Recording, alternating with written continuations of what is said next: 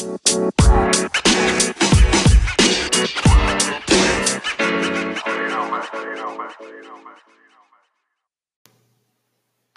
and welcome to Segera Komentar Podcast. Uh, my name is Rama, and today I want to talk to you about the most apa ya, the biggest debacle of the week, I guess. Um, it's about the pernyataan dari Kapolsek mana sih?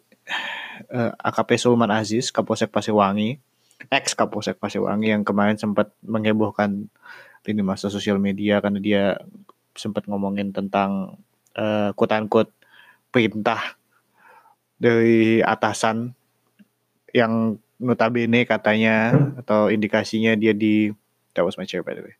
Indikasinya katanya dia di apa namanya disuruh untuk diarahkan oleh Garut untuk menggalang dukungan pada Jokowi Ma'ruf Amin. Hmm, this is troubling if it's true, but uh, interestingly enough beberapa beberapa hari kemudian uh, dia menarik ucap apa? Dia menarik hmm, pernyataan itu. Dia uh, dia jadi the reason why he's when he retracted the statement, uh, he explains why he said that he said that statement karena katanya dia fir- first of all dia merasa uh, he dia nggak terima karena dia dimutasi oleh atasannya uh, dan mutasinya kayaknya nggak naik jabatan malah turun jabatan mungkin ada ada detail but dia nggak terima itu terus dia ngerasa mutasinya itu karena uh, pilihan politiknya dia. Dia katanya dia pernah upload foto bareng Prabowo terus kayak katanya atasannya nggak suka whatever. At least that's his speculation. And that's why he says that.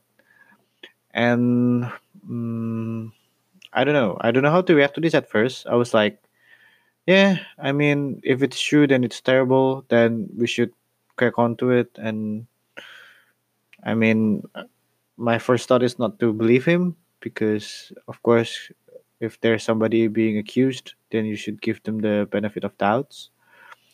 Uh, and I think I will say the same if it's the different position. Kayak kalau Prabowo presiden juga I would still want to sort of give him the benefit of the doubt while at the same time I will urge the and uh, apa DPR buat membentuk komite khusus untuk apa namanya menyelidiki apakah benar ini ada apa akus, akusasinya benar apa accusationnya benar atau enggak karena emang that's uh, election tampering and that's against the every idea of democracy. Tapi dan dia retract pernyataan ini dan gue kayak jadi yang "Hmm, oke this is just another politics playing. And I mean suka nggak suka emang sekarang kalau politik aja udah mulai masuk agama ketika polisi sama tentara dijadikan bagian dari politik juga I mean it's not a surprise I guess. Karena memang kita di stage di mana eh, rasa takut dan rasa apa ya ingin menang kita lebih besar daripada eh, prinsip underlying principle that sort of brings you towards the interest of the country. So it's for me, it's no longer people who want to, hey, I wanna, I wanna pick a better leader for my country, but it's it's more about, hey, I like this leader. I want him to win. I will do everything that I can on social media to sort of uh, proclaim that or sort sort of like endorse that message and sort of like show that I'm supporting this guy or not. And it's less about, hey, this leader is good, but is there anything he can improve? And is there any better leader than him? It's, so it's i feel like that's increasingly the case with the indonesian election lately. Dan emang setiap setiap apa yang masuk berita sekarang udah bukan masalah kebijakan lagi udah bukan masalah esensi lagi tapi udah semuanya di di ditarik-tarik politik gitu kayak eh, another case eh, si Rizik katanya dia ngaku dapat eh, keluhan dari staf KBRI Saudi yang mendapat quote perintah dari Kemenlu untuk memenangkan Jokowi juga. Eh I don't want to go into deep details in this. I mean, uh, I I stand with my statements, or even if I haven't made the statement in the podcast yet, I stand with the the uh, apa ya principle that kalau emang dia nggak salah, pulanglah. But on the other hand, nggak bisa dipungkiri kasus yang dialami itu emang bermuatan politik. Jadi ketika dan emang dia itu alat politik yang sangat efektif, Rizik Sihab. Jangan kayak kita harus melihat sosok dia di luar FPI gitu. Ya nggak bisa gitu sih emang. Karena emang dia embodiment FPI dan tapi kayak kita harus melihat FPI dan dia di luar konteks agama dan di luar konteks apa yang mereka lakukan tapi lebih ke fungsinya dia gitu fungsinya dia sebagai uh, pion politik untuk membakar apa namanya isu untuk me mendorong agenda mendorong propaganda propaganda maybe a strong word but you know you know what I mean. Dan uh, ketika kamu melihat dianya sebagai sosok politik eh sosok FPI dan sosok agama ya kamu akan termakan oleh narasi-narasinya dia. Gitu you have to look past the the the sort of apa ya brand that he sort of put on and sort of try to understand his motivation and try to understand why he's he's doing this why he's staying in in, in Arab itu kayak as Jokowi masih presiden dia akan tetap stay di sana. Bukan karena dia takut dia ngapain juga dia takut pulang. Karena dia tahu kalau misalnya dia dikriminalisasi dan dikriminalisasi dan emang kasusnya dia itu ada ada bau-bau kriminalisasi dia sebenarnya bisa he he stand a chance to survive. Well I mean kalau Ahok kena Ahmad Dhani kena mungkin dia akan kena juga sih. Cuman kayak but that's just just a shame in our law and I'm not gonna go into detail in that but like uh, the fact that dia stay di Arab itu adalah sebagian dari statement bahwa kepada pendukung-pendukungnya dia dan kepada orang-orang yang termakan oleh narasinya dia bahwa uh, ada rezim di sini. Dan itu statementnya dia untuk menyatakan bahwa eh gue nggak aman. Look at me. Dan dengan kita sort of like hey you dare. Uh, ngetawain dia atau bilang dia pengecut dan lain-lain kayak instead of kita membuat pendukungnya dia mikir oh ya, ya dia pengecut kan no if somebody is apa namanya uh, supporting him then they won't they won't make fun of him or they won't change their mind because somebody make fun of him. Instead, they will hate you for making fun of him. And solusinya sebenarnya ya dari pemerintah untuk me, menye, menjelaskan kasusnya dia, menyelesaikan kasusnya dia uh, dengan entah atau dari polisi sih dengan melakukan penyelidikan yang lebih jelas atau enggak ya atau ya udah gitu kasusnya dile, dilepasin aja gitu dan hadapilah apa yang akan dia lakukan di depan di ke depannya.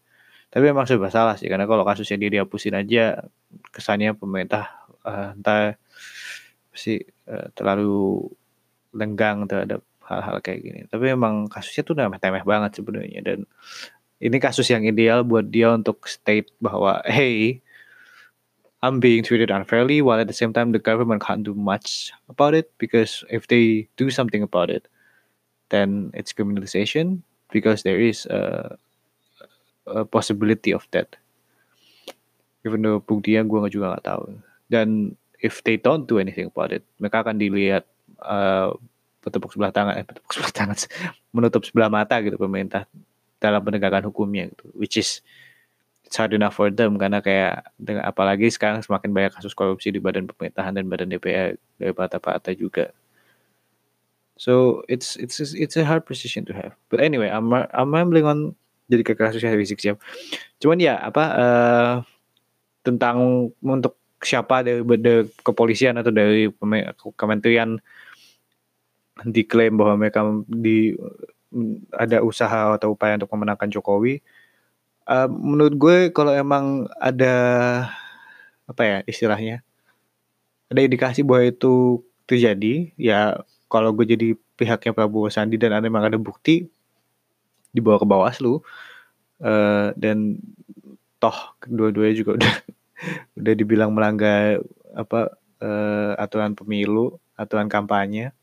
Tapi tetap aja not like Bawaslu can do anything about it. But ya yeah, dibawa ke Bawaslu dan kalau memang terbukti bersalah ya harus dihukum secara sosial gitu dan dihukum dari dari apa namanya dari foto orang-orang gitu kalau misalnya at the end terbukti mereka mengabuse kekuasaan mereka untuk memenangkan vote ya gue nggak akan vote buat mereka karena ya itu that's just again against democracy. Cuman and that's that's a big cuman ya harus dibuktikan gitu, lewat lewat lewat apa ya jalur dan sistem yang yang yang udah ada which is bawaslu atau undang-undang. Jangan cuman teriak hey gue disuruh ini atau gue nemu ini atau gue gue denger ini tapi nggak ada buktinya. That's just politics and sayangnya di Indonesia ada pencemaran nama baik. Ada undang-undang pencemaran nama baik dan itu bisa dipakai sebenarnya. Uh, I don't like that uh, undang-undang tapi ya it's there for a reason and I guess it's a political tool for this kind of thing. Kayak kalau lo di jegal kota ya emang undang-undang UU ITE ini cara untuk menjaga kota balik sebenarnya. Yang yang yang actually legit. Dan kalau ngomong tentang undang-undang UU ITE ya emang harus DPR PR pertama DPR yang baru menurut gue ini sih untuk membenahi UU ITE supaya orang nggak mengabuse undang-undang ini hanya untuk kepentingan politik atau kepentingan pribadi atau kepentingan apa ya kelompok-kelompok tertentu. Um, so yeah, uh, kalau again kayak kasusnya Donald Trump, if he's wrong, then prove him wrong. Uh, if it's if it is proven that he's wrong, then dihukum. Tapi kalau tapi ya harus dibuktiin dan memang harus lewat sistem yang lewat apa yang benar gitu kayak Paul Manafort kok Paul Manafort sih uh, Robert Mueller investigasinya sampai 24 bulan 22 bulan ujung-ujungnya nggak ada apa-apa gitu. Walaupun sebenarnya dia mungkin memiliki beberapa bukti ya. Tapi ya itu harus di, di cuman cuman dokumen-dokumen doang harus diajukan kepada orang-orang yang apa ya berkewajiban untuk atau punya kekuasaan dan wewenang untuk melakukan investigasi lebih dalam gitu.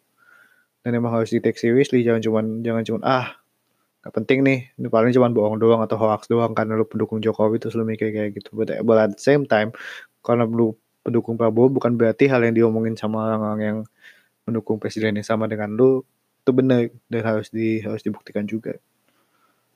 Um, so yeah, uh, I'm gonna take a break and after this I'm going to talk about Article 13 or now is Article 17 I think or Article 19 I can't remember that was uh, passed on the European Union that was said to have killed the memes online. Welcome back to Sekedar Komentar Podcast. Uh, in this segment, I want to talk about Article 13, uh, which was passed two weeks ago. Maybe more. Uh, it's a bit late, but I guess some people are not really clear about this. And it's a really interesting sort of online discussion, uh, online culture discussion especially me as media a digital media student. Uh, so basically, Article 11 and Article 13 was passed um, on can't remember when. It was around two weeks ago uh, by the European Union. Ini cuma di Uni Eropa doang. So Article 13 is a, a new regulation and directive with the with a special interest on copyright issues Jadi basically, uh, this article says that um, where is the quote? I'll just I'm, I'm just gonna read you the quote. Online quote online content sharing service providers and right holders shall cooperate in, in good faith in order to ensure ensure that unauthorized unprotect, uh, unauthorized protected works or other subject matters are not available on their services. So basically, uh, online platforms such as YouTube, uh, Twitter, Facebook, and even Instagram, under this article, uh, will be responsible for any copyright strikes or copyright issues that its users are infringing. Jadi misalnya kalau misalnya, uh, for example, gue share uh, lagunya John Mayer, tapi dengan uh, tambahan gamelan atau gue nge-share fotonya hmm, Thanos tapi dengan captionnya uh, My Lovely Purple Man. The picture of Thanos is technically in the apa ya copyright property of Marvel and technically Disney as a company. Terus John Mayer juga technically itu punya dia. And they can they have the right to sue me uh, to to ask me to put it down because they are not properly paid for my use of it. If that makes sense for my use of sharing it of using it to share my own content and instead of uh, telling that's my responsibility and making it hard for sort of these companies to sue me because they're not going to sue me it's not worth it they're gonna ask the the the platform to take responsibility for it. So misalnya kayak uh, konten yang atau konten Thanos yang gue bilang tadi gue share di Instagram instead of me being responsible for infringing the copyright it's Instagram who's responsible for infringing the copyright so they have to take my apa namanya my content down immediately. So basically, this article requires uh, platforms to to develop an internal mechanism to sort of create this uh, filter so that copyrighted material can't be posted or will be deleted as soon as possible. Um, and it's not a big deal for actually not, even though uh, they really opposed it youtube really opposed it because yeah i mean that's pretty much half of youtube which is like commentary of on other people's properties or commentary on trailers commentary on movies commentary on everything that requires uh something else's property or copyrighted property. And that's that's the that's the whole culture behind behind memes which i will talk about later the memetic culture is just uh, somebody appropriating somebody else's work in their own way and sort of adding into it and then some other people adding into it. That's how memes work. That's why it's called memes. It's based on richard dawkins uh is it richard dawkins?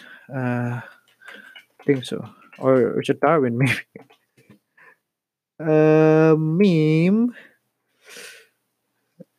who who started the idea? It's either Dawkins or Dar- Darwin. I know it's yeah Richard Dawkins. It is. Uh, basically, it's an idea, behavior, or style that spreads from a person to person within a culture. So it's actually uh, started as a as a scientific term. It started as a, an, an evolutionary model. It's a field study called memetics. It was in 1990s. Yeah, and anyway, uh, I don't want to go deep down into the the genetics and the genealogy of the world, the word meme, but just yeah, the word meme started from a biology perspective.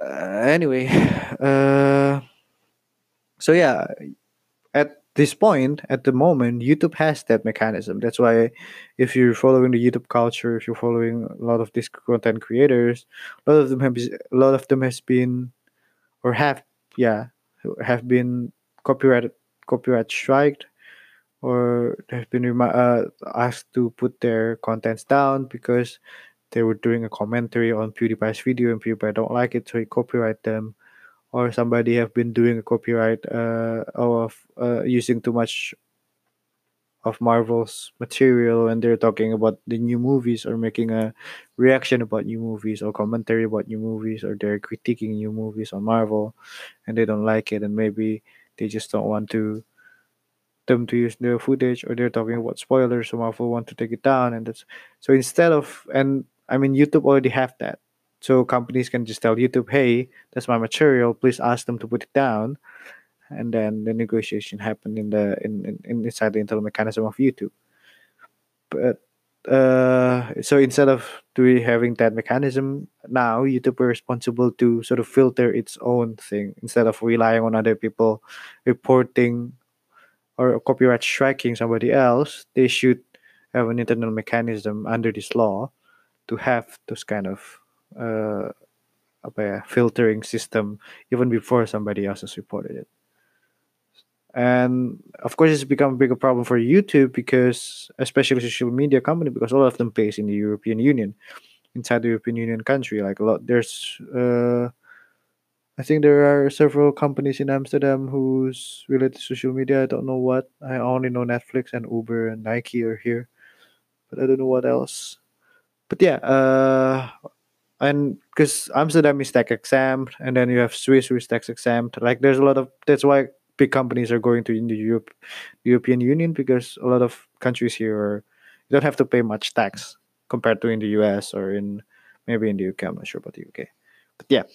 Uh, why is it dangerous for memes? Because of course, meme is basically like a bunch of somebody else's picture edited by somebody else and edited by somebody else and edited by somebody else and becoming this one huge phenomenon. And it, it it appears in your timeline for a week and then after it's gone there's new meme coming out.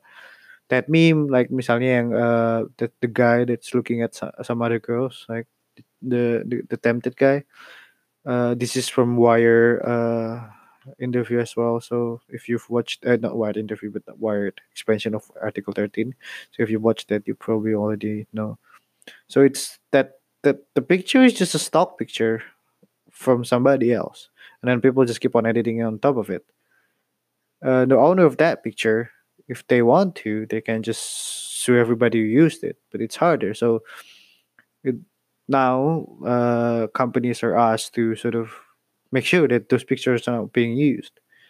At least that's what people thought of article 13 that's why there's a memes are being killed by this article 13 but apparently there's this uh, other addition into the article that says that parody and satire and com- comedy is fine. So if it's being done as a comedy or satire or parody then technically they're not gonna copyright strike you. So that's that's how people that's why that's why there's a lot of confusion in the article 13 and that's why people are very outraged about it.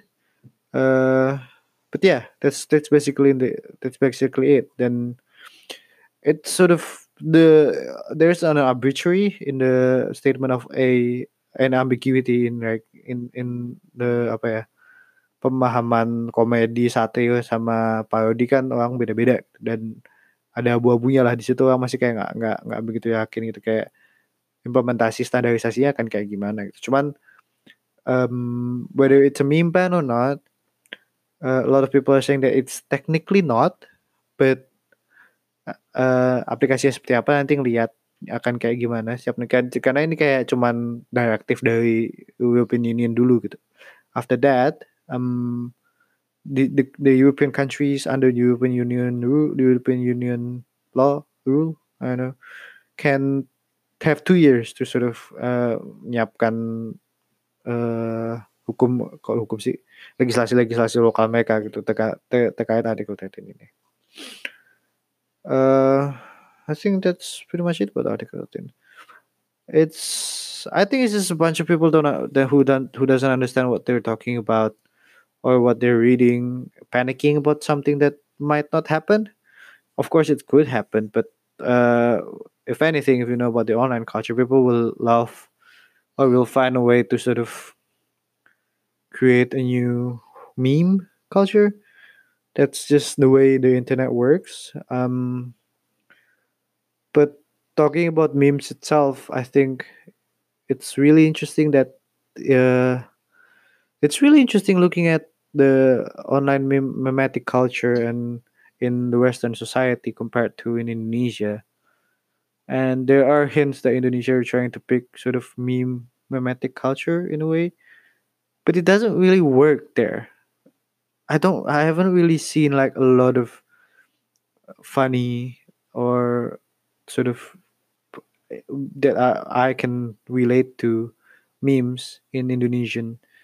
Not even necessarily in bahasa, cuman kayak it could be in English but like in Indonesian sort of context, but there are not much there. Maybe I'm not doing enough study there and maybe there are no apparatus to study it there yet. And it is very interesting. And I heard there somebody is making like a digital media studies uh, in Indonesia, which is very good. And yeah, I think it's really important, especially in the middle of our confusion, our fuckery, in the middle of this election year. But anyway, I'm mumbling on. Uh, the next segment, I will talk a little bit about Brexit before I close the episode. So stay tuned. Welcome back. Uh, this is the international news segment. Mm, there are not much international news happening. I mean, there are a lot of horrible things happening around the world. I mean, the Israeli-Palestinian war is still happening. Uh, Indian and Pakistan are quote unquote still in war, even though they're just shouting at each other. Uh, uh, Laut Cina Selatan juga masih lagi memanas situasinya mulai memanas lagi. Filipina kayaknya habis protes tentang ratusan kapal Cina yang ada di sana. Terus, hmm, yeah, apart from the horrible thing that we sort of ignore, uh, Brexit is still happening. I'm kind of tired of Brexit. I don't really understand it, but I want to talk about it because it gives me a reason to sort of force myself to read about it at least a little bit to tell you about it because it's a big thing that happening that's that's happening around the world and it's sort of like the example of how uh, right-wing conservative politics is really not that good uh, at least not yet.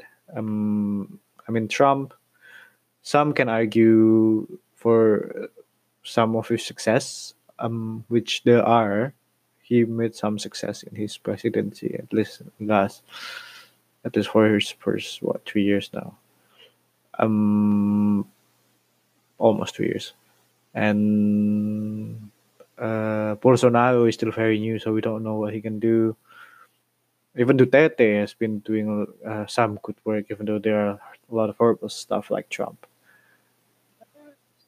but Brexit is like sort of the kayak uh, because they don't have a figurehead. It's really weird, or it's really weird right wing conservative politics without a figurehead. But yeah, maybe that's why it doesn't work because it doesn't have figurehead. But anyway, Brexit is sort of an exemplary of like identity politics that doesn't really go as well. And I think we really need to look at ourselves and see whether we have, can potentially go there. Karena kayak kemarin Echa sempat cerita tentang orang ada orang yang video jadi dia ngejar warga negara asing warga negara Cina. Um, and they were just like minding their own business getting food and then this guy was chasing him down the street chasing them down the street videoing them and like shouting racist stuff towards them asking them to go back to their country they're taking their jobs and stuff like that. Just horrible. Especially the most tolerant country in the world, supposedly anyway. But yeah, apparently that happened in Indonesia already, and it's sad because that's what happened in uh, the UK, and that's what happened in the US, and that's what happened in Brazil, not too much, but that's what happened in all over Europe, in Netherlands as well. Uh, there, there are a lot of. There's this one guy, Geert Wilders, which is half Indonesian apparently, but he was he's very against Muslim and he's very like anti-Islamic and pro uh, nationalist identity and against immigration against people from other country and stuff like that. And this this pemilu tahun ini ada nggak usah pemilu tahun ini pemilu pilkada sebelumnya dan pemilu sebelumnya juga udah kayak sort of indicative of this trend this trend of like uh, being quote unquote scared of the minority for taking their way of life, taking their culture, and taking their jobs ultimately. And that's what what started the Brexit, and that's how and why Prabowo is still in the running for president, I guess. Uh, and his money and his success for his political party as well, for sure.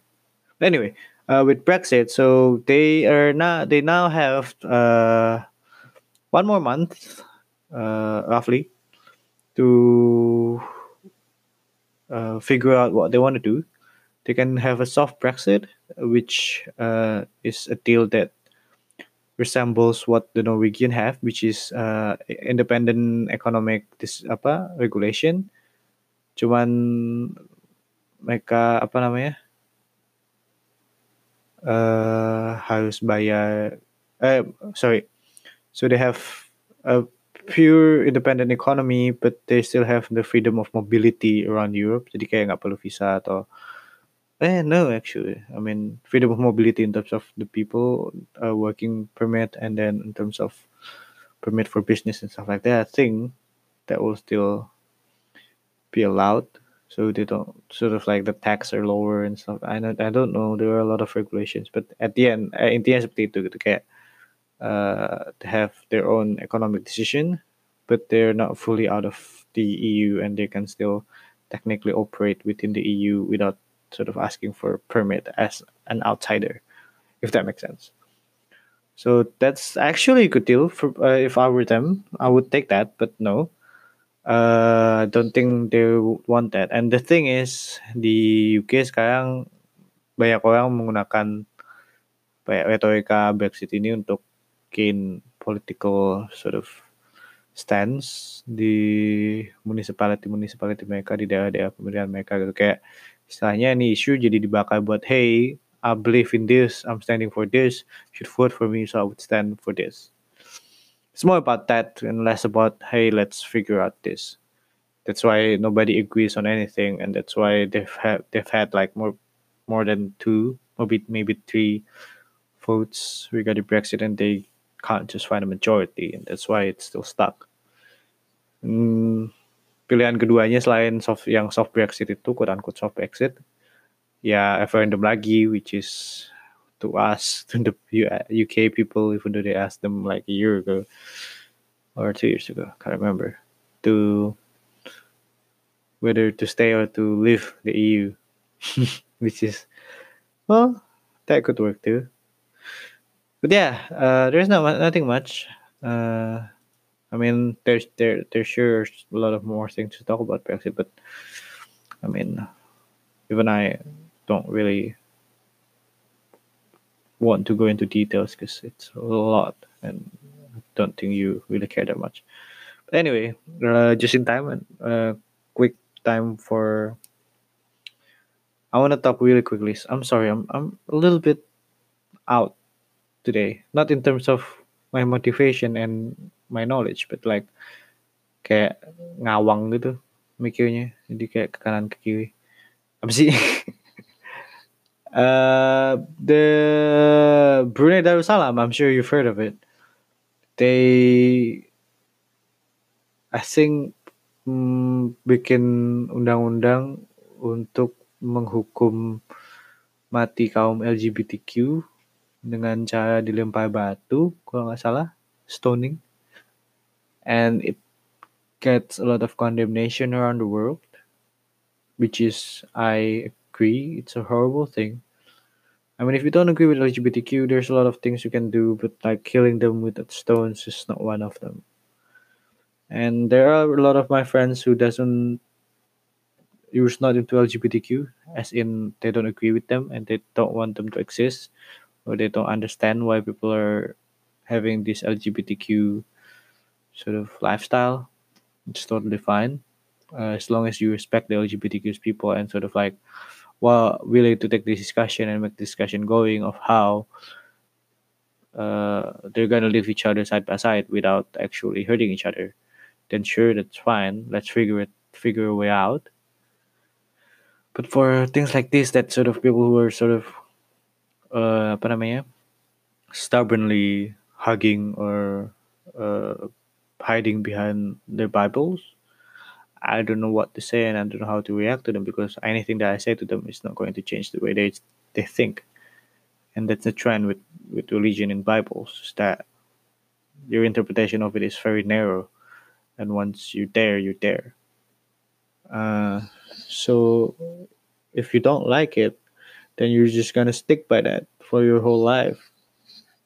No matter how cruel it makes you, no matter how cruel it motivates you to do cruel stuff. And I don't know kayak kalau gue dan masalah gak suka apa ya going against LGBTQ uh, sort of phenomena or gay gay phenomena in general especially it's not only an Islam thing it's also a Catholic thing it's there are a lot of uh, apa namanya campaigns against the LGBTQ community here in the Amsterdam as well, believe it or not, because of apa namanya, because of the way uh, Bible sort of interpreted here karena kayak uh, basis di, di South south of Netherlands, sort of in the southern part of the Netherlands, there are a lot of Catholic and Christians who are very strong, Catholic and Christians who are very conservative and don't agree with the LGBTQ or the gay thing. There are even stories from my friend, a Dutch friend, whose sister was not feeling home in the North Holland because people don't understand why she's gay and people don't understand why she have this lifestyle. Whereas in the US she feels more accepted by the community in a way. So uh, so it's not exclusive to Islam. It's it's a Bible sort of uh, derived fear and apa ya uh, I know what antagonism. That's that's the word that I'm trying to look for. And and that's I still don't understand. Karena kayak um, kalau saya dari Katolik gitu kalau baca kitab suci gue inget banget cerita tentang pelacu yang dilemparin batu sama orang Farisi orang-orang mana pokoknya ada pelancur dilemparin batu terus Yesus kayak emang kamu lebih nggak berdosa daripada wanita ini. Kalau mau ngelempar batu ke wanita ini kamu juga melempar batu kepada aku. Terus kayak ya udah gitu kayak and that's this is a lot. Dan emang harusnya kalau kalau gue nggak salah menginterpretasikan kitab suci Kristiani gue apa kitab suci perjanjian baru gitu ya iya sih ada beberapa hal yang bisa diinterpretasikan berbeda gitu. Cuman kayak intinya sih gue melihat kitab suci perjanjian baru itu tentang acceptance tentang menyebarkan cinta kasih tentang toleransi tentang tidak tentang menghargai sesama dan tidak menjudge orang. Kayak banyak gitu cita-cita apa ada mucika mucikari atau ada apa sih kreditor siapa aku lupa yang orang pendek itu Lazarus. Ya, lupa gue haven't read the Bible in a while. But yeah uh, and there are not a lot of things where you can't do this or you can't do that. And and it's more about hey this is how you should live your life. But it's a suggestion. It's not like a rule. And it's to respect each other. And i don't know i think people concentrate more on the things that doesn't really matter and it's not really the point of the book. Just weird. Uh, yeah. It's sad. Uh, of course kayak beberapa episode yang lalu gue juga ngomongin tentang sekolah di Birmingham yang uh, protes yang dapat protes dari komunitas Muslim di daerahnya karena mengajarkan tentang hak-hak LGBTQ. So there, if if the UK is still having this problem, Brunei is not going to fix this problem, and especially Indonesia you guys. There are there are still a long way to go for LGBTQ people to be able to live their life fully in this kind of place. I mean, they can always go to the Netherlands, even though there are growing movement against it. Still a very safe place for LGBTQ people here, and they're gonna go to the US maybe and get married if they want to there. And even in Australia, it's still a bit safer than in these conservative countries. But yeah, it's just sad, and I would love to have a discussion with somebody who are willing to come into the podcast and like sort of and doesn't agree with the LGBTQ thing to sort of, you know, sit together with me and talk about it. Because, I mean, I'm just going to learn more things from you, and you're going to learn things from me as well. And I think that's the, the most important thing about being a human is that you're willing to sort of talk about your feelings and your thoughts with other people, even though you know you're not going to agree with them at the end. Just sort of like, you know, try to understand each other's idea and hopefully it will enrich the way you see and look at the world and maybe you you will have a new formulation of ideas and they also have new formulations of ideas maybe you can find something interesting you, do, you don't know at the very least but yeah uh, this has been it for the episode i think this is episode 14 uh, I'm trying as much as much as I can to keep it brief, so that you don't have to listen to me for an hour. Basically that. Um, so yeah, uh, that's been it. Thank you for listening, and I will talk to you guys in the next one. Bye bye.